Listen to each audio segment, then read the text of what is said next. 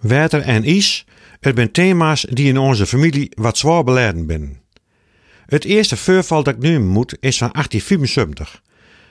Egbert Hasper, familie van mijn mama's kaarten, is dan 11 jaar als hij vlak bij het Noord-Willemskanaal in Asten op een stel koen passen moet. Zijn broertjes van 9 en 4 hem hem krekken zijn middagmaal bracht en Egbert had daar dust van kregen. Hij wilde erom met zijn petten wat water uit de vaart halen, maar schut ver over het water in. Zijn broertjes zagen hem in het water terecht te komen, maar konden niks uithalen. Vijf jaar later had het niet veel gescheeld of het gebeurde nog eens. Op 11 februari 1880 kwamen Hendrik en Jantje Hasper uit Appelske uit schoelen en wachten haar op het dunne ijs van de vaart, maar zakten de deur. Gelukkig bedacht postloper Johannes Bielsma hem niet. Hij ging het water in en redde, nevens de kranten, beide kinderen van wisse dood.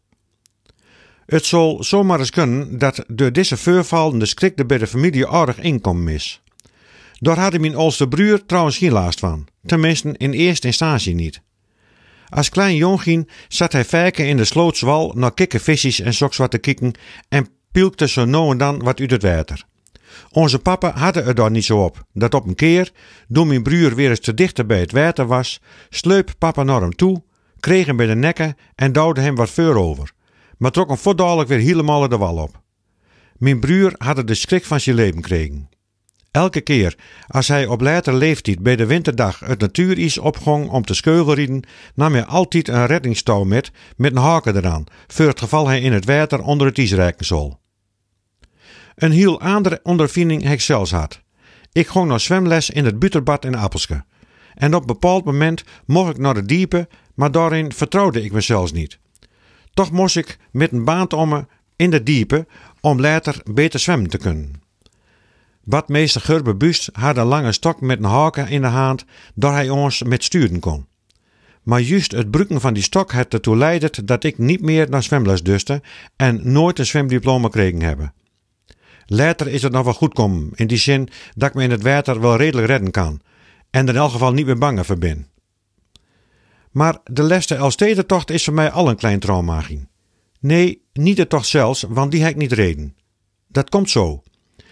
Nadat Evert van Bentham in 86 zijn tweede tocht winnen hadden, wordt het lidmaatschap van de Elfstedenverenigingen uitbesteld voor een beperkt tal nieuwe. En als deur een wonder word ik inlot als riedend lid. En toen was het wachten, wanneer hij eens komen zal. Was ik er klaar voor? Nou nee, dat niet, denk ik. Ik had er wel eens tochten van 60, 70, 80 kilometer reden en zal op wilskracht en affieten door alle mensen de 120 kilometer verhaald hebben kunt, denk ik. En wie weet nog wel wat meer.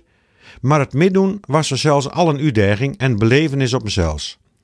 Maar de tocht kwam maar niet. Tot op het einde van 1996 toch nog het op een groot feest leek uit te draaien. Ik had een familie in Leeuwarden wonen en zal daar slapen kunnen om zo op het tijd klaar te staan. Als datum wordt 4 januari vastgesteld.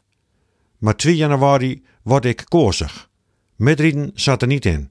Vanzelfs heb ik die dag de hele tocht op de televisie nog volgd, maar al met lang gezichten. Want die mooie tocht op het ijs was voor mij in het water vallen.